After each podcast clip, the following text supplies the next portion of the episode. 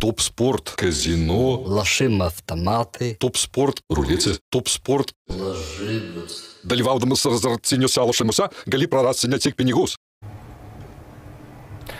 Sveiki gyvi futbolo bičiuliai, pasaulio futbolo čempionatas visiškai finišo tiesioje ir vakar mes sužinojome pirmąją komandą, kuri užsitikrino vietą didžiajame finale ir tęsė kovą dėl svajonės. Jie tapo Argentina su Leo Messi, kuris buvo nuostabus, Julianas Alvarezas irgi demonstravo įspūdingą žaidimą, šis jaunasis Argentinos supertalentas. Rungtynių buvo daug aistrų, buvo mėtomi, na, ne akmenėliai, o jau visi akmenys arba netgi plytgaliai į rungtynių teisėją, aišku, iš kruatų pusės. Apie visą tai mes pasikalbėsime, bei žinoma, aptarsime ir antrąjį pusfinalį, kuris mūsų laukia šį vakarą. Paulius Jekelis ir Židrūnas Grudzinskas kartu su jumis. Židrūnai ir šiandien taip esi pasipuošęs ypatingai. E, tai gal papasakok, nes žinau, kad tai nėra paprasti marškinėliai, kuriuos nuėjęs, na, gali tiesiog parduotuvėje tai paimti ir įsigyti. Arba kur nors nebent įbėjai už labai daug pinigų būtų įmanoma tai padaryti. Gal gali papasakot, kaip e, pavyko jas gauti? Taip. A tai buvo seni gūdus 1999 metai, tai yra net praeitas tūkstantmetis, vadinkime jau taip. Ir teko rungtyniauti su Lietuvos rinktinė Argentinoje. Ir po rungtynių aš jau čia vienoje iš laidų buvau užsiminęs, bet dar pasikartosiu, nieko, manau, blogiau nebus. Nes bus tam tikrai... Bus blogiau, jeigu nepakartosiu, nes Taip. aš tai nežinau. Ne, nežinai, tai tam bus labai įdomu. Tai ten tikrai buvo įspūdingos rungtynės, kontrolinės rungtynės, kurias beje sužaidėme lygiosiomis 0-0 su visomis tuo metu geriausiomis žvaigždėmis. Argentinos sudėtyje, nes jie ruošiasi Copa Amerikai ir jeigu neklystu, ją laimėjo būtent po mūsų paskutinio sparingo, kur kai sužinojo, kad atvažiuoja Lietuva, visi futbolo ten ekspertai jų nespaudoje, ten pirmuose puslapiuose kitą dieną buvome, stvėrėsi už galvos, ta prasme, kaip čia federacija surado kažkokią tai Lietuvą, kodėl jie, Kur kodėl... ta Lietuva? Taip, kur čia kas, na ir baigiam 0-0, aišku, ten galėjom prifarširuoti ne vieną ar ne du, ir mes ten turėjom porą progelių ir aš ten porą situacijų nebuvau. Galėjai paspręsti, ne? galva, taip, šalia devyniukės, iš toli kairė koja pramušiu tokį gana neblogą smūgį. Tai tokios rungtynės, aišku, jos lieka atmintyje ir kada po rungtynių, nes a, pagal poziciją žaidžiau su Palermo, su Diego Simeonė, su Artega, tai su Diego Simeonė kapojimais, tiksliau mane kapojimo, man kažkaip taip nebuvo stimulo laužyti žvaigždės, Zanetį dar krašte lošė, tada na, tikrai ten buvo stipriausia e, sudėtis. Ir būtent, e, kadangi viduryje mes daug sukiojomės ir daug ten tų kontaktų buvo, panašiai kaip kad Argentina Niderlandai. Tai, Tai po rungtynių vis tiek, na, norisi tais marškinėliais pasikeisti, ne? Diego Simonė, kadangi buvo šalia, tai paprašiau, bet jis parodė į tribūnas, kad atsiai turiu atiduoti kažkam tribūnas, nes buvo piktas, 0-0 jam ten netiko. Nesakė tavo, kos poksai kvaily. Kaip, kaip, kaip mesis vėgos, tai Ne, to nesakė, bet kažkur gal pasintė, trijų raidžių tolyn. Taip kad po to, na, žiūriu šalia, vėlgi, ten kažkas rodo vėl į tribūnas, ten nenorėjo, į mus žiūrėjo vis tiek mhm. iš, iš aukšto, nes čia, na, kažkokį, sakau, bet ten- nepasidavai.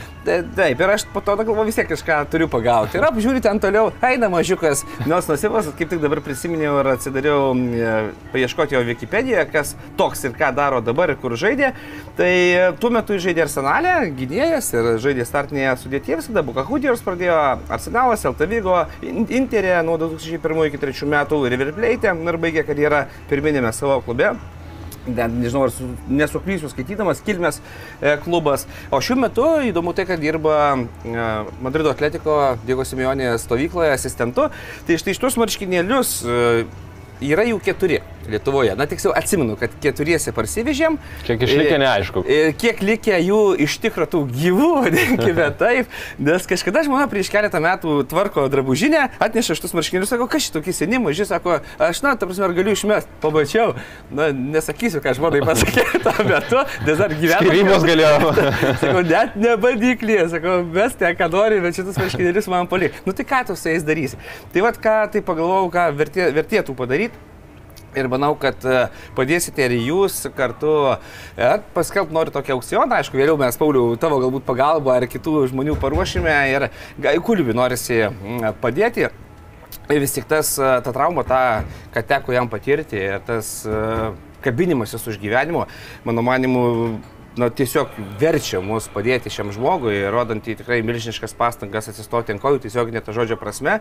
Ir manau, kai viską sudėliosim, paskelbsime ir aš tikrai su mielu noru juos, e, kaip sakant, išstatysiu aukcionę ir visos tos lėšos, kas bus gautos šiuos marškinėlius, bus pervesta e, Gai Kulbiui. Taip kad manau, kad e, jeigu Argentina laimi, tikiuosi tą vertė šių marškinėlių dar labiau pakels į viršų, nes na toks kaip ir Simboliška. Geras ne? metas, jo, toks, toks simboliška, jeigu Argentina laimė, na, gal tie, kas, kam nepatinka argentiniečiai, tai na ką darysi, bet manau, kad tai būtų gražus e, gestas pagelbėti Gajų Kulibiui, kabintis uh, už gyvenimo ir manau, kad uh, na, visi surėmė petis galime padėti. Taip, galų gale nepamirškime, kad Kalėdos yra stebuklų metas ir galima įsigyti bus puikius marškinėlius ir dar prisidėti prie puikaus žmogaus ilgo kelio, stojantis ant kojų, pagarba gai, smagu matyti jo reabilitaciją. Tai čia toks mūsų trumpas intro, beje, jeigu susidomėjote arba žinote kokią nors draugą ar pažįstamą, kuriam tai gali būti įdomu, nes marškinėliai tikrai unikalūs, tai Židrūno Grudzinsko Facebook profilyje pasibaigus pasaulio futbolo čempionatui irgi galėsite rasti daugiau informacijos. Na, jeigu kažko nerasite ten arba kyla klausimų, galite rašyti ir man, aš jums irgi padėsiu. O dabar keliamės į tai, kas vyko. Vakar pirmasis pusfinalis ir Argentina-Kroatija 3-0. A, Kalbėjome apie tai, kad e, favoritai tarsi yra Argentinos futbolininkai, bet e, tiek mes, tiek e, daugelis ekspertų taip jau gana atsargiai vertina rungtynės, tai yra vargu ar daug kas tikėjosi triuškinamos pergalės. Rezultatas, tavo nuomonė, visų pirma, kalbant apie rezultatą, jis šiek tiek netikėtas. Taip, na taip žiūrint, e, išvieslintę per lengvai. Argentiniečiai laimėjom, tačiau žaidimo prasme, e, pradedant nuo pat rungtinių pradžios ir įvertinus ten, kad apie 30 kelias minutės iki įvarčio, e, ganėtinai apylygus futbolas. Ta prasme, nei vieni, nei kiti netgi kamulio kontrolė Kroatijos rinktinės pusėje galtinis Beje, rezultatas toks pats, aišku, skirtumas yra, kada jau pelnė Argentina įvarčius, na, atidavė, teritorinė persvara. Bet esmė ta, kad tikrai kruatai žaidė savo futbolą, Argentina buvo šiek tiek suvaržyta, sukausyta, tikrai nebuvo to laisvumo atakoje, na, toks futbolas buvo, kaip minėjau, ganėtinai apylygus. Na, po to jau, e, jau eisime prie tų smulkesnių detalių, kurios ir lėmė tą rezultatą tokį ganėtinai netikėtą, bet esmė ta, kad jau praktiškai po antro įvarčio.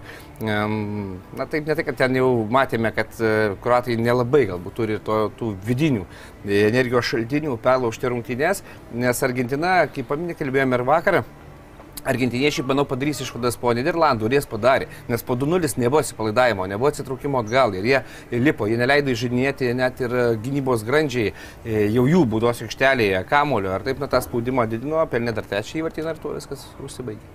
Pradedam gal nuo komandų sudėčių trumpai. Kroatijos rinktinėje, kaip ir buvo galima tikėtis, jokių pasikeitimų. Tas pats vienuoliktukas, kuris žaidė ankstesnėme mače su Brazilija, kuris startavo. Argentinos komandoje kairiajame gynybos krašte vietoje kūnijos buvo Tagliafiko, tai viskas aišku, žaidėjas diskvalifikuotas.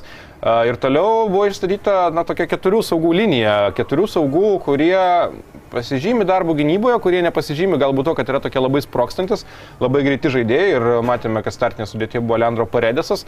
Kaip tau tas Argentinos vienuoliktukas ir jis turbūt sufleruoja, ar ne, kad gana rimtai Argentina žiūrėjo į kruatus, ypatingai į jų vidurio saugų liniją ir visų pirma turbūt toks akcentas buvo dirbti gynyboje, ar ne, ne neleisti per nelik laisvai turbūt atakoje jaustis kruatijai. Galbūt buvo dėmesys skirtas labiausiai tai trijulė, ką minėjo Brozovičius, Kovačičius ir Luka Modričius, jų priežiūrai, kad jie neįsivažiuotų į tą komandinį kūrybinį futbolą. Ir būtent toks parinkimas vidurio saugų, kurie mėgsta, vadinkime, gal taip, na, labiau greuti negu kurti. Ir kartu perkelti naštą gynybinę nuo pečių, e, nuimti Lionelį Mesį, kad jis visiškai liktų tik atakoje, kad visiškai nereiktų jam sukti galvos apie kažkokius tai gynybinius veiksmus. Tai va, ta, ta, ta saugų grandis buvo atsakinga, mano manimu, už būtent tą ardomą į darbą vidurio zonoje. Ir ką jie iš tikrųjų gerai darė, buvo epizodų, kada prasiloždavo, bet iš esmės jie neleido e, pajusti to kūrybinio futbolo e, kruatų grandžiai saugų. Ir paprasčiausiai tas futbolas toks e, na, buvo sudėtingas kuratams. Jie tokių šimtaprocentinių progų nesusikūrė, kad ten e, būtent nuo saugų grandies viskas prasidėtų ir baigtųsi, kaip pavyzdys, ten Perišičiaus, Krabalčiaus ar Pašalčiaus pavojingais momentais, ten galimais įvarčiais. Iki 34 minutės toks futbolas, e, gal net e, pasakysiu tiesiai šviesiai, gana nuobodus, tai yra be pavojingų situacijų, labai pavojingų prie vienų ir prie kitų vartų, bet tokių labai rimtų smūgių į vartų plotą. Ir tuomet, e, kai 33 minutę man taip ant liežuvio komentuojant buvo frazė, kad, na, va šitą visą vaizdą matant, norėjau sakyti, kad čia kvepia pratesimu ir baudiniais. Bet tada ateina 34 minutė ir ten jau situacija, apie kurią reikia kalbėti. Visų pirma, Gynybos linija. Ji šiek tiek sulūžusi, švelniai tariant, Lovrenas žemiau, kiti aukščiau ir dar Lovrenas ne tik, kad yra žemiau, bet ir tarpas tarp vidurio gynėjų labai didelis. Ten įmetamas kamuolys, viskas baigėsi to, kad Alvaresas atsidūrė vienas prieš vartininką, smūgiuoja, tarsi vartininkas išėjęs reaguoja, bet kamuolys lieka žaidime. Tuomet e, tarsi vartininkas, na, realiai Alvaras jį tarsi įbėga, bet skiriamas yra baudinys. Tai vat, gal pradėkime visų pirma įdomi labai tavo nuomonė apie pačią Kroatijos gynybą toje situacijoje, nuo ko viskas prasidėjo. Ir paskui apie baudinį, nes e, komentuojant ir kolega Irvinas Kutkauskas sakė, kad tai nėra tokia jau šimtų procentų aiškiai situacija ir paskui net skaitant, ką kalba ekspertai ir apžvalgininkai, ten tiesą sakant, irgi tos nuomonės nebuvo tokios, kad, na, visi sako, ne, čia baudinys, taip yra. Ne, ten nuomonės irgi išsiskyrė ir buvo mėtomi, kaip ir minėjau, plytgaliai paskui ir iš Kroatų pusės į, į teisėją. Tai vat, šitie du aspektai, kurie Kroatų nuomonė po rungtynių, Modričius sakė, tai buvo esminiai momentai. Jis sakė taip, Argentinai pagarba, jie pelnytai keliavo į finalą, bet tas momentas mus palaužė. Galbūt dar grįšiu šiek tiek atgal vienu veiksmu, nes iki štai šio epizodo E, Pirščius atlikinėjo smūgį į vartus. Ir ten pagal jo reakciją sprendžiant ir po to, kad teko paskaityti, kruatai ten matė kampinį. Prasme, mums taip akivaizdžiai gal nesimatė tiesioginė meterė ir pakartojame, tai žiūrint į tą kamulį, bet iš žaidėjo reakcijos ten nešoktų, taip ant teisėjo Pirščius atlikęs tą smūgį, na kada... E, e, Bandė čipinti, taip. Taip, na toks taip, ten kažkiek, kažkoks, ta trajektorija tokia įdomesnė. Ir toks kamuolys ten, na, nulėkė, nulėkė. Bet ta reakcija jo, jeigu neliestų varžovas kamulio, na, aš abejoju, kad ten kažkas priekaišus kažkokiu, nu taip nebūna. Tai turbūt matė, kad buvo tas lietimas, na, kažkur ten supyko, šoktelėjo link teisėjo, jisai ten replikos prasidėjo ir po to būtent ataka ir, kaip minėjai, ta gynybinės grandies. Klaidos, sulaužimas ir galų galėtas 11 metrų baudos smūgis, kuris Na ką ir minėjai, vieni taip, kiti ne. Iš esmės, aš gal, na taip, iš savo pusės, ne, pasakysiu, aišku, ten nesu teisėjas, kad ten šimtų procentų. Bet... bet ir patys teisėjai negali šimtų procentų. Tai apie ką... Na... Ten pasiskaitai Twitter'yje, tai yra, na, teisėjai, teisėjai, čempionų lygos ir, ir, ir vienas rašo, kad taip ir taip, kitas rašo taip ir taip. Ir tu supranti, kad nu, iš esmės turbūt ten gali rasti, ar ne, ir tam ir ten argumentai. Ten, taip, ir kuratai pyksta, po rungtinių pyksta, tai patį galbūt sakytų argentiniečiai, po rungtinių, jeigu ten pralaimėtų ir taip toliau. Na, esmė ta, kad e, jeigu būtų atliekamas smūgis, ta prasme, kamuolys skrietų kažkur už vartų, na, suprantame, jeigu į vartus tai įvartis, jeigu už vartų tas kontaktas, manau, viskas būtų palikta. Taip, taip. Nieko nebūtų. Dabar, kada kamuolys rieda link vartų ir dabar išimkime Lovreną, ne, jis ten išmušnėjo kamuolį, na, po to ten dar taip negrabiai nuo vartų, ne, riedantį. Ar ne jis, jisai, man atrodo, tenai, e, kaip e, atliko smūgį, na, kaip smūgį, ten tą pardenimą kamulio mhm. link vartų ir kontaktas su vartininku kur ten kruatų gynėjas išmuša e, kamolį. Jeigu nėra to gynėjo, apibėga Livakovičių, ne, Alvarsas ir pelno įvartį. Tai dabar manau, va čia ir yra klausimas, kaip traktuoti šį epizodą, tą susidūrimą. Nes pats susidūrimas Buvo, reikia pripažinti, Levakovičius pavėlavo sužaisti kamolį, nes jeigu jisai išėjęs būtų lietęs kamolį, kaip pavyzdys smūgio metu, ne, nu to vadinkime tokio ten smūgio kamolio ir denimo į vartus, jis paliestų kamolį ir tada kontaktas. Žaidimas tęsiasi, nieko toliau nėra. Į kamolį nesužaidė, kontaktas yra ir jeigu ne, vartininkas iš esmės Lauras apibėginėja. Apibėginėja vartininką ar įmuša į tušius vartus, nu kalbu, kada nėra gynėjo. Tai štai teisėjai kartais atmetinėja tuos šaltinius faktorius ir mato patį momentą. Tai yra, nemato gynėjo, ne? Ir toliau, kuo baigtųsi veiksmas? Kaip jis pasibaigtų? Tai Alvaris apibėgtų Livakovičių ne, ir, ir dentų į tušius vartus. Štai čia, mano manimu, ir buvo tas pagrindinis aspektas. Nes jeigu kamuolys virš vartų, ar šalia vartų, tu jau nebežaidime, ne, na, kontaktas buvo, ten niekam neįdomu. Dabar kamuolys rėda link vartų, tu apibėginėjai, pasimi kamuolį ir įdini į tušius vartus. Tai čia, manau, ir buvo tas esminis mm, niuansas, kodėl skirtas baudinys. Nes, na, teisėjai irgi tokiuose situacijose buvę ne kartą. Galų galę teorijoje ten patikėk manim, kažkada skaičiau, už galvos susijėmiau apie galimus atsit variantus teoriškai, kurių, na, nebūna šimtmečiais, bet jie yra ten utopiniai. Tai aš manau, kad jie visą tai žino, jų lafari yra, ne, na, ten kaip komunikavo, nekomunikavo, nežinau, bet esmė ta, kad mano vat, išsakytos tos mintys galbūt taip ir galėjo nutikti. Aš sakau, jeigu jau teisėjai ten, sakai, neturi savo vieningos nuomonės, tai mano čia tokie tik pamastymai. Taip, kad tikrai toks labai e, su klaustuku, bet tas klaustukas mažesnis galbūt dėl to, kad neskirti, o būtent, kad didesnis pro, tas procentas, kad skirti už tą pražangą 11 metrų.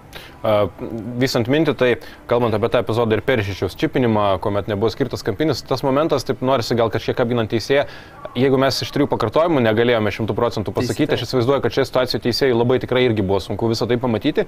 O grįžtant dar tavęs, ko norėčiau paklausti, tai, okei, okay, apie pačią baudinę situaciją tarsi viskas aišku, bet prieš tai tai yra ta klaida komandinė gynyba. Ar tai yra Lovrinas, kuris šioje situacijoje buvo pats kalčiausias, jis buvo tas žmogus, kuris sulaužė liniją, užsiemė poziciją per plačiai, ar tai yra visų pirma va, treneris į jį pirštų Taip, rodyti. manau, kad ten net pirštų nereikia rodyti. Jis pats suprato, kad ten jo klaida yra ir tikrai per platu ir juo lapis patyręs. Ko-. Koncentracijos bėdos iš tavo kaip trenerio patirties. Tai, tai yra iš esmės tu akimirkai kažkur šiek tiek atsipalaiduoji ir tada tai Ir nutinka. tas, ne, tai aišku, ta koncentracija, nes tai vėlgi yra tas žaidimo skaitimas, o ne? Greita reakcija į besikinčią situaciją tam tikrose zonose. Ir gynėjas, na, aš visada, kai jaunuoliam aiškinu, kada tu esi su kamoliu, tavo komanda, tu visada turi galvoti, ypatingai vidurio gynėjai, tu visada turi galvoti, kas bus, kai mes prarasim kamolį. Tai čia, jeigu tu kontroliuoji kamolį kažkur žvalgais į priekį, o čia vyksta judėjimas ir tu nematai e, varžovų, kaip įsidėsi, kaip tavo gynybos linija neįsidėšiusi draugai. Tai va to žirklės, vadinkime tokios, ne, atsiranda vien tik dėl to, kad kažkur trumpam sufokusavo dėmesį Lovernas ne ten, kur reikia. Na, kažkur užsižiūrėjo, kažkur gal kontroliuoja kamolį draugai, na ir aš paėsiu žingsneliu, o neusimsiu geresnę poziciją. Tai va čia visada e, turi numatyti tą žingsnį į priekį. Tai yra, tu turi, dėl ko, pavyzdžiui, vidurio gynėjai labai mažai nubėga, na, saliginai pagal pozicijas, taip. jie nubėga mažiausiai. Bet jie iš esmės daugiausiai privalo mąstyti. Nes jie turi skanuoti, kas vyksta priekyje ir turi galvoti, kaip reiks sužaisti, kada mes prasim kamuolį. Tai yra, kaip pavyzdys dabar mesė, ne, tu matai, jisai vaikšnėje nuo tavęs 6 metrai, nors mes kontroliuojam kamuolį. Ir paminė, ką vakar kalbėjome, kad jo negali palikti vieno, nes šalia turi kažkas vis tiek būti su sąlyga, kaip rasi kamuolį, ką tada darysi, kai jis įgaus. Tai čia lygiai tas pats. Tu vidurio gynėjas, tu matai, kas ten vyksta, ir, bet tu turi daryti čia. Net e, pagaundavau save anksčiau, kad net nežiūrėdavau, kas ten darosi į priekį, nes ten jau ne mano, aš nieko neįtakosiu tenai. Aš turiu rūpintis, kas bus, kaip mes prarasim kamuolį, nes tada aš tiesiogiai būsiu atsakingas už atako stabdymą. Tai čia, manau, vat Lovrino ir buvo didžiausia na, problema, didžiausia bėda, kodėl atsirado na, tokios skylės gynyboje, nes jisai kažkur sufokusavo dėmesį ne ten. Tai yra ne savo darbas, o žiūrėjo, ką ten daro priekinė linija. Uh, ok, baudinys skirtas, uh, aptarėme kaip ir kas, smūgis, Leomesi, fantastika, turbūt čia jau baudiniai, kuriuos naturodai kaip tobulas baudinys. Ten ir vartininkas šiaip jau vėl eilinį kartą atspėjo, kur skries kamuolys ir net atrodo taip tiesis į viršų, bet na, tu nieko negali padaryti, kai toks Nieko, smūgis ir, ir uh, Blusytė savo darbą atliko puikiai. Ir čia visos bėdos ir prasidėjo kratui, nes 0-1 futbole vis tiek kruatai šiame čempionate šiaip jau ne pirmavo nei karto. Ir jie moka išsikapstyti iš tų situacijų, bet A, prasidėjo problemos ir tarsi jie akimirką iš karto labai greita reakcija buvo šiaip kruatų, iš karto į priekį aktyvesni ir nebuvo taip, kad jie taip visiškai sugriuvo. Bet 4-5 minutės prarastas kamuolys kontrataka, nors šiaip Argentina savo greičio prasme nėra pati geriausiai kontratakuojanti komanda. Šiame čempionate aš nedrįkčiau teikti, kad toks Marokas turbūt yra geriau kontratakuojanti komanda nei Argentina, bet Alvarėsas gauna kamuolį. Prieš tris taip gudriai lenda gynėjas tarsi iš nugaros jo negali pjauti, iš priekio pasitinka, paskui aišku šiek tiek sėkmės, tai yra ir Juranovičius beveik išmušė kamuolį, išmušė, pataikė į Alvarėsą, atšoko kamuolys priešais Alvarėsą, tada Sosa turėjo progą, kitas krašto gynėjas išmušti kamuolį, mušė, kamuolys nusipjovė, atšoko tiesiai Alvarėsui, bet na vėlgi, čia nesinori sumenkinti Alvarėsų pasiekimo, nes jis praktiškai ten nuo aikštės vidurio gavęs kamuolį nubėgo, kovojo, neišsijungė iš žaidimo ir galų galiai mušė antrą įvartį šis jaunuolis. Tai ta antra situacija, ten ką galėjo kruatai padaryti geriau. Visų pirma, turbūt aikštės viduryje buvo dar įmanoma kažkur pagauti ir nupjauti. Ten. Nes nepamirškime, kad kruatai buvo su kamuoliu. Tai yra, Taip. jie žaidinėjo e, krašte, ten, baudos, na, ten buvo kamuolys standartinėje situacijoje ir po to kėlė kamuolį į baudos, link baudos aikštelės. Ir, ir atkreipkime dėmesį, kaip greitai tranzicija išėjo ne vienas Lavarisas, ten truktelio ten 3-4 žaidėjai maksimaliu spurtu nešėsi į priekį. Ir tikrai yra daug pavyzdžių, kada viena komanda, pavyzdžiui, kelia kampinį, ne, arba ten baudos smūgiai apie 16 metrų ir kaip sugeba greitai išbėgti į ataką besiginanti komanda, tai šiuo atveju Argentina. Nes e, Vėlgi, tai yra tas fokusavimas dėmesio, ne į standartinę situaciją, tai į žaidimą, į perdavimą į kraštą ir vėlgi, tu ne, nesi pasiruošęs e, galimai tai greitai tranzicijai, ne, į, jau į tavo pusę. Bet aišku, kaip ir minėjai, ten buvo ir sėkmės faktorius. E, Tie du epizodai, kada nesugebėjo išmušti gynėjai kamulio, na, ten sėkmė nusišypsojo. Bet sėkmė šypsosi tiems, kas žaidžia iki galo. Tai štai čia ta tranzicija tikrai gre- greita, pavyzdinė ir su šiek tiek e, sėkmės faktoriumi, bet e, esmė ta, kad Alvarisas žaidė iki galo. Jis veržėsi, kaip ir minėjai, lindo, bėgo, tikėjo tuo, kad gali na, nubėgti iki pat vartų ir ką matėme, na, vieną situaciją, antrąją nukreipė kamolį į vartus. Tai čia, manau, ieškoti problemų Kroatijos žaidimui, tai pirmas dalykas kamulio pakelimas, ne ten, kur reikėjo, turbūt ne ten, kur suplanavo, na ir po to reakcija į prarastą kamulį, kur irgi nebuvo šimtaprocentinė, na, kuo ir e, baigėsi tokia. Bet kita vertus, ta, tų klaidų visi daro, tik vieni yra baudžiami skaudžiai, kiti ne. Taip pat šį kartą kroatai nukentėjo. Ok, 39 minutė 2-0 ir dar kelnio pabaigoje dar vienas kampinis, po kurio Makalisteris galva taip neblogai mušė nuo vėjos, nepatogus kamuolys Livakovičiui, Livakovičius vis tiek reaguoja, atmuša kamuolį toliau ir ten pataiko į savo gynėjų Iranovičių. Ir nuo Iranovičiaus ten rikašėtas toks, kad iš esmės centimetrų trūko, kad būtų į savo vartus ir jau turbūt pirmajame kelnėje galėtume dėti kryžių ir sakyti, kad viskas čia jau aišku. Bet kuriuo atveju 2-0, komandos keliauja į pertrauką ir tuomet mes iš karto matome Sosa keičiamas Varšičiumi, Pašaličius keičiamas Vilašičiumi, tai tarsi jau iš karto mums indikuoja, kad akcentuojamas labiau žaidimas priekyje, tuo Zlatko Daličius neapsiribojo, kadangi 50-ąją minutę Brozovičius buvo išimamas ir Petkovičius pasirodė aikštėje. Iš esmės toks jau labai drasus Olinas 50-ąją minutę, kai tu labai akivaizdžiai antrajame kelnėje praeini prie tokio, na, mega atakuojančio futbolo ir, na, turbūt arba pais kažkur kortą. Taip arba nepais. Kaip tau tie keitimai, ar netrodė kažkur gal per anksti ir per nelik radikalus? Tai yra mes nekalbam, kad buvo pakeistas ten vienas ar du žaidėjai, iš esmės, na, aikštės vidurio beveik neliko, to, tos trijulės, apie kurią sukdavosi žaidimas ir viskas buvo numesta į priekį. Kaip tau šie trenerių sprendimai? Šiame čempionate šiaip neprisimenu, ar kažkuris treneris būtų taip jau radikaliai viską pakeitęs. Negalima turbūt apie Louis Vangalą kalbėti, bet ten iš esmės nebuvo visa žaidimo schema keičiama, ten tokie du aukšti poliai buvo leidžiami į aikštę, o čia toks na, labai drasus įėjimas. Vėlgi, tu grįžti į Rūbinę po 0-2 gali vakimėjai praleisti 0-3 ir iš esmės e, jokių variantų neturi kabintis antrajame kelnyje. Daryk, kad ir penkis keitimus galbūt iš karto. E, dabar turbūt e, ta situacija, kada treneris Avabankėjo. Jie Avabank, nes 0-2, ten tie keitimai, jeigu neklystu, 50 minutę kažkaip, ne? Tai du keitimai iš karto po pertraukos. Po pertraukos ir, ir paskui dar... Petkovičius 50. Taip, bet ten... O dar 72 dar ir Livai išleido. Taip, tai manau, kad ta reakcija į 0-2 yra kaip ir logiška, tai yra kaip ir minėjau, e, kaip kalbėjome apie tas variacijas atakoje, ne, kruatų, kad ten e, ką pasirinksi, tai turi pristaikyti Argentina. Tai čia galbūt vienas iš tų variantų, kada pakeičia porą žmonių, įmeta naujus, na ir ten vėl adaptacija tam tikrai, aišku, žaidėjim reikalingiam, bet ir varžovom. Bet kad tai galėjo turėti lemiamą įtaką, kad gali tikrai perlaužti, pabandyti reikia. Pabandyti reikia, nes 0-2 ir jeigu tu išeisi į antrą kelnį vėl su ta pačia sudėtimi, kurie tik ką gavę du įvarčius, na to šviežio kraujo, galbūt šviežios energijos reikėjo. Tai manau, kad čia, šiame, šiuo atveju treneris na, viską darė gerai na, bandė gelbėti iš šios situacijos ir dvigubas keitimas, po to vėl bando ieškoti kažką. Nu, ten jau toks, kaip sakau, galbūt ir tam tikra tokie desperatiški, o po to veiksmai, kada, na, meti tikėsi stebuklo, bet pats žaidimas tas, kad na, neturėjo įtakos to lūžio momentui, vadinkime taip, ir kuratai iš esmės na, nieko ten per daug nepakeitė.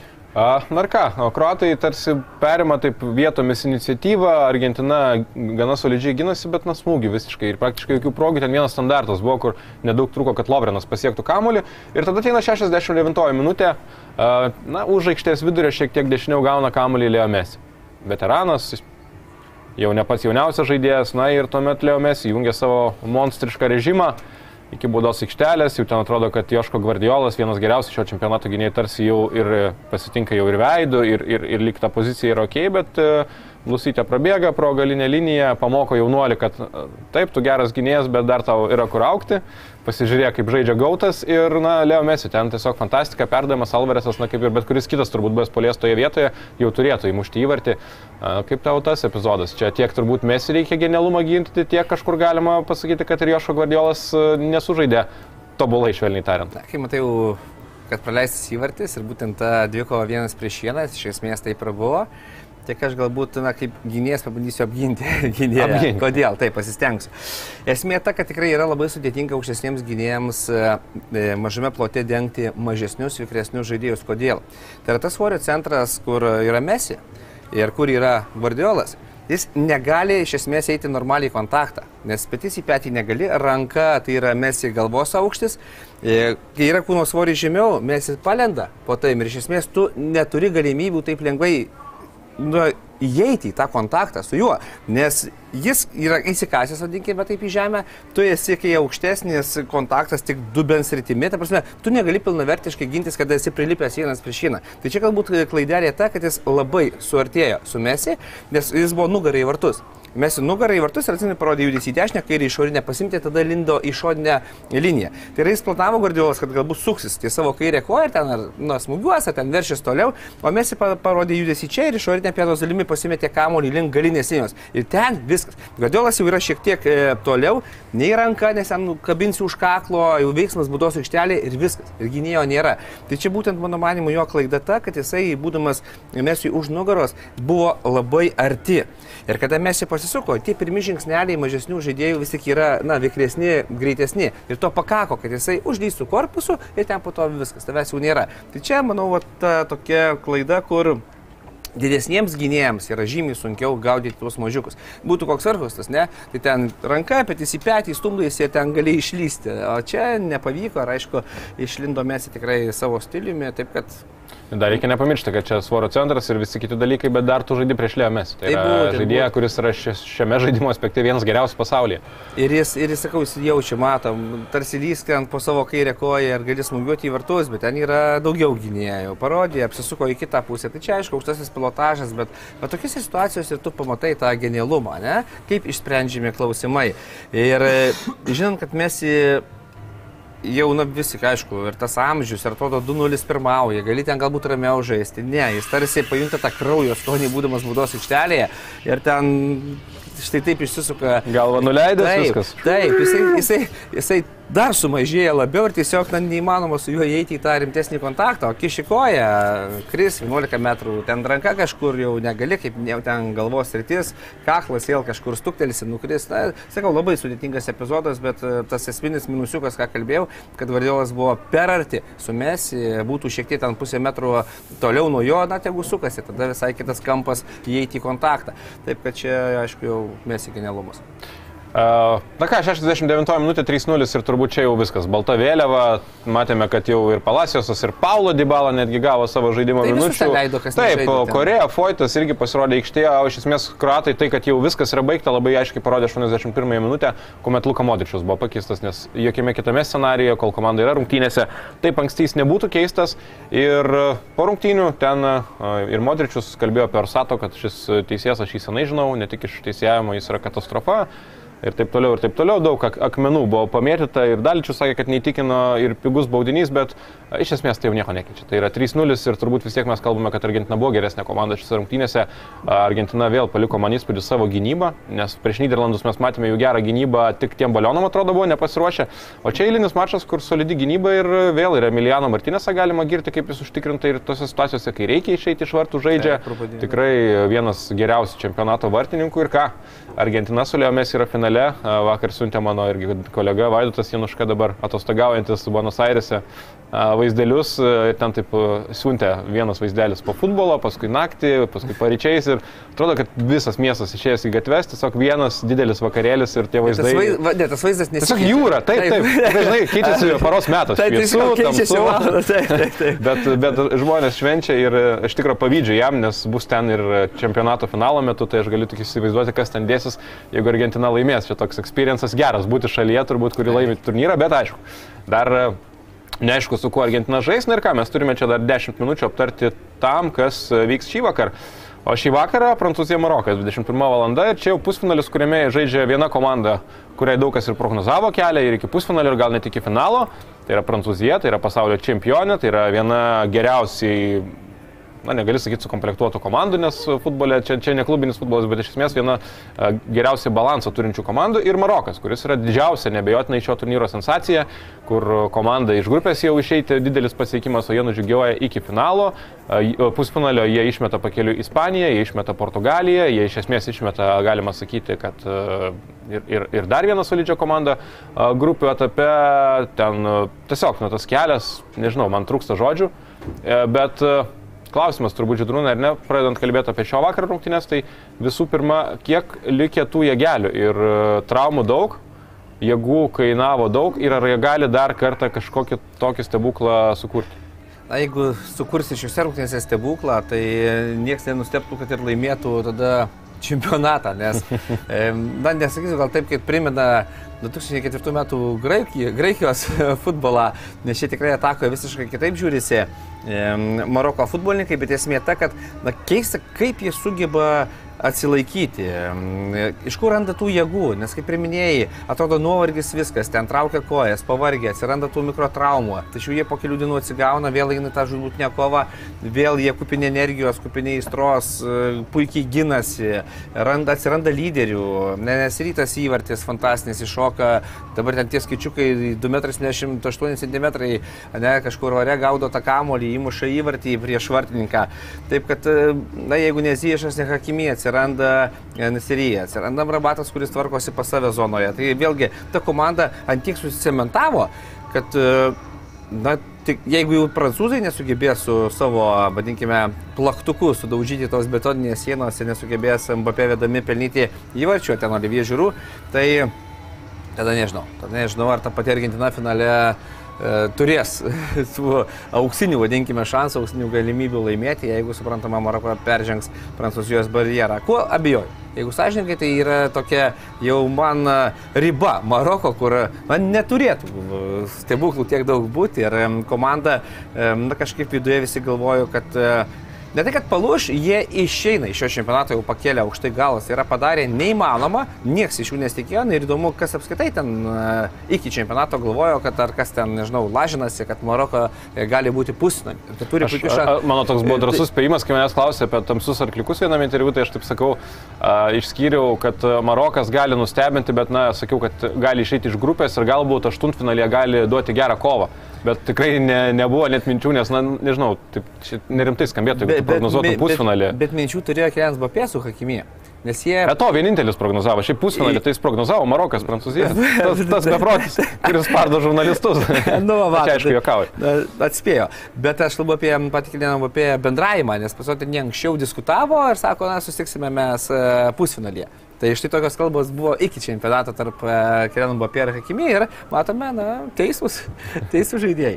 O kas ką ir dar aišku, Kirenas Bapė pasakė, kad taip aš tave vis tiek sugniuždysiu, laimėsiu ir ta, taip toliau. Tai vat, dabar matysime tiesioginėje akistatoje, kaip kausis Hakimi su Kirenu Bapė ir aišku, kaip Prancūzija Marokas. Tikrai laukiu labai įdomių rungtynių ir tikrai su, didž, su dideliu pasimėgavimu stebiu Maroko žaidimą, tą kokybišką komandinę gynybą kurios, na tikrai nepykit, bet nesitikėjau, kad Marokas gali spausti to, tokią kokybę. Ir turbūt vienas geriausiai šeimų iš gynybos į Jie polimą, kol, su sąlyga, kol ta komanda turi jėgų, tai yra kokie 60-70 minučių. Belitas Regragi prieš šias rungtynės sakė, kad a, kaip ir visi žinote, mes turime daug traumų, bet mes turime nuostabų medicininį personalą, jie dirba dieną naktį tam, kad žaidėjai atsigautų. Tai buvo jo a, mintis vakar, vakar vakare išsakytos ir treneris sakė, kad šią akimirką nei vienas žaidėjas iš tų traumuotų nėra garantuotai, nėra garantuotas, kad galės rungtyniauti, bet lygiai taip pat nėra garantuotas, kad ir negalės rungtyniauti. Taip kad iš esmės pasakė taip, kad kol kas mes laukiame žinių ir neaišku, kas bus. Iš kitos pusės tu turbūt supranti, kad net jeigu treneris jau žino, kuris žaidėjas galbūt galės žaisti ar negalės žaisti, na kam tavo viešai tai sakyti, kam palengvinti darbo varžovams. Ir turbūt galima mūsų laidos žiūrovams e, priminti, kad a, ta situacija su traumomis Maroko komandoje yra gana baisi ir šiuo metu didžiausi klausimai yra ties Agerdu iš West Ham United vidurio gynėjas, kuris praėjusią mačą praleido. Romeinas Saisas, kuris praeitose rungtynėse irgi komandai padėti negalėjo, neaišku, kaip bus su, Ziešu. Ir na, tų nuostolių yra ir dar daugiau. Čia yra, yra susirinkęs korteles, taip pat žinome, kad Mazrui praėjusią mačą praleido irgi dėl traumas irgi nėra aišku, taip kad tų traumelių yra nemažai ir na, kai pamatai, kad komanda išmeta Portugaliją realiai žaisdama be savo dviejų pagrindinių gynėjų, leisdama į aikštę tiesiog žaidėjus, kurie turnyrė nežaidė, kurie debituoja pasaulio čempionate tokiu svarbiu metu, ten 60 minutę, tai uh, norisi jiems bent jau pagarbą išreikšti, nes kartais mes būna tikrai juokaujam, mes sakom, čia pastatė kažkas autobusą, tą autobusą daužė, daužė, daužė, išdaužė langus, bet kažkaip nepramušė iki galo. O čia, kai tu matai dar visas tas traumas, visas tas netiktis ir taip supranti, kad tu žaidži su kokybiškesnė komanda, tai kaip minimum pagarbos Marokas nusipelno. Kalbant apie prancūzus, tai ten apsirgė yra Rabijo ir Upamekano, bet e, na, prancūzijos komandoje vargu ar mes galime kalbėti, kad tai kažkokie nepakeičiami žaidėjai ir galų galėje turbūt, kad rungtyniaus ir šiame mače Rabijo šiaip puikų turnyrą žaidžia. Upamekano, reikia pripažinti, kad galbūt paskutinis mačas nebuvo itin geras, ten keletą kartų buvo ir pamaudytas, jis susipažino su Harry Keinu taip iš arčiau. Bet, a, bet viskas baigėsi gana gerai. Prancūzijos rinktinė Prancūzija Argentina skamba, kad būtų labai smagus finalas, ar ne, bet e, Maroko kažkaip iki galo Aš kaip ir irgi šį kartą jau visiškai netikiu. Aš jau netikėjau prieš Portugaliją, netikėjau prieš Ispanus, bet uh, su kiekvienu kartu mano tas netikėjimas, nepaisant jų pergalių, išauga. Nes tiesiog matant tas visas, na realiai kaip prieš Portugaliją atsilaikė, man vis dar yra mistika, nes ten jausmas buvo toks, jeigu kris vienas įvartis, tai per pratesimą kri- kris trys arba keturi. Ne, ten viskas aišku, taip, pelnyk įvartį ten tikrai neatsilaikė būtų Maroko futbolininkai, juolap e, vienų žaidėjų dar mažiau būtų, tai ten e, būtų lengvai turbūt e, valgomi jie gynyboje. Tačiau vėlgi, ką noriu pasakyti, tas jų komandiškumas, ta kova vienas už kitą, na mane žavi. Ir iki to žaidėjai išsisimė, kad, kaip minėjau, tas traukia kojas jau mešlungiai. Aišku, Romanas Eiso netektis, jeigu jis nežaistų, kaip pavyzdys, mano manimu, tai yra tas kertinis gynyboje žaidėjas, kuris cementuoja viską. Tai yra jo patirtis, jo vadovavimas, pažiūrėkime, jis net na, nebūdamas tiesioginėme kontakte ten vienoje ar kitoje zonoje ir kai kameros parodo jo emociją, jo vadovavimą, jo gestikulaciją, tą kūno kalbą, tai yra lyderis. Būtent, na, ne veltui ten yra e, tvarkosi ir rūbinėje ir, ir aikštėje. Taip kad e, jeigu prarask atakoje, e, na, kad ir aišku, nesinori taip sakyti, ziešą, ne, rastum galbūt kuo pakeisti. Čia 90 minučių ar net ir daugiau, jisai su mm, tas nebuvimas, jeigu jis tikrai negalės rungtyniauti nuo pat pradžių, e, gali būti Ir, ir praėjusiame mače matėme, kad kai tik jis išėjo Ir ir, pas- ir pasirodė dary, tokių problemėlių kilo daugiau. Būtent, tai bet ten dar... Jais turbūt vienas geresnių gynėjų šitam čempionate. Būtent, tai Marokas nepraleido įvarčių. Taip, Nepraleido įvarčių, jie įsimušė į savo vardus prieš Kanadą. Tai yra, kai tu pasižiūri, su kuo jie žaidė, su kokiais vardais, na, tai, žinai, vieną kartą nepraleidai, tu gali sakyti, nu gerai, kažkur gal pasisekė. Antrą kartą, nu, okei, okay, bet 3-4 kartai, tai čia jau akivaizdu, kad tai nėra vien tik sėkmė. Taip, taip, taip. Ir turbūt prieš trenerį irgi galim kepurę nuimti, ar ne? Validas Regragui netaip seniai stojo prie vairo ir a, kaip tik vakar klausiau tokį trumpą pokalbį su vienu iš Maroko futbolo žurnalistų ir, ir aišku, kad dabar a, tie paklausus yra Maroko žurnalistai, visi nori daug istorijų išgirsti ir jis ką pasako, kad šio trenerio ateimas, jo, jis puikiai supranta vietinį mentalitetą, skirtingai nebuvusio bosnių trenerio ir jo užduotis buvo atėjus iš karto a, tiesiog na, tapti tokiu, ne tai kad draugų žaidėjai, bet parodyti, kad mes esame tokie šiuolaikiški, mes esame atviri, pas mus nebus, ne, čia nebus kažkokios futbolo tokios koncentracijų, tai yra kankinių stovyklos, kur ten a, tu važiuosi, tau neleis išeiti iš viešbučio, ten atims telefonus ir taip toliau. Ir iš esmės, ką jis padarė, pirmas dalykas, tai iš esmės visą laiką gali būti šeimos kartu su futbolininkais, gyventi tame pačiame viešbutyje, tokia šeimos atmosfera, a, daugiau laisvės, tai yra mažiau kontroliuojami žaidėjai, mažiau kišamasi į tai, ką jie daro, tarkim, laisvo nuo treniruočio metu. Ir, na, visą tai veikia. Panašu, kad jis sugebėjo sugražinti į rinktinę žaidėjus, kurie ten karjerą jau buvo baigę ir dabar yra pusfinaliai. Ir tai yra, na, tautos herojus. Ir kas dar įdomu apie Maroko kalbančio vakar rungtynės, kad e, yra tokia oro bendrovė Royal Air Maroko ir e, valstybė subsidijuoja skrydžius e, Marokos ir galiams į Katarą, į pusfinalio rungtynės. 30 čarterių prieš šį pusfinalį papildomų, tai yra jau buvo ir taip užsakomųjų skrydžių, bet 30 papildomų čarterių, kuriuos subsidijuoja valstybė ir tai yra žmonės už gerokai mažesnę nei rinkos kainą turi galimybę atvykti į Katarą, palaikyti savo rinktinę ir taip mes matome, kad Marokas yra viena gausiausia palaikymą turinčių rinktinių pasaulio čempionate, o dabar dar 30 čarterių, na ten paskaičiuoji, kiekviename po kokius 200 žiūrovų, tai visai smagu. Taip, bus tikrai labai smagu. Na, grįžtant dar prie Valdo Regriugi, jis puikiai, aišku, pažįsta tą prancūzų futbolo virtuvę, nes na, toks įdomus faktelis, 2008 metais kartu žaidė su Olivier Žiūrų. Yra net nuotrauka. Tai Grenoblio e, Futent 38 komandoje. Ir, e, na, va, štai po 14 metų Ne tai, kad skirtingose barikadų pusėse, bet jis treneris Olivier Žiūrų yra tas, kurį reikia sustabdyti jam.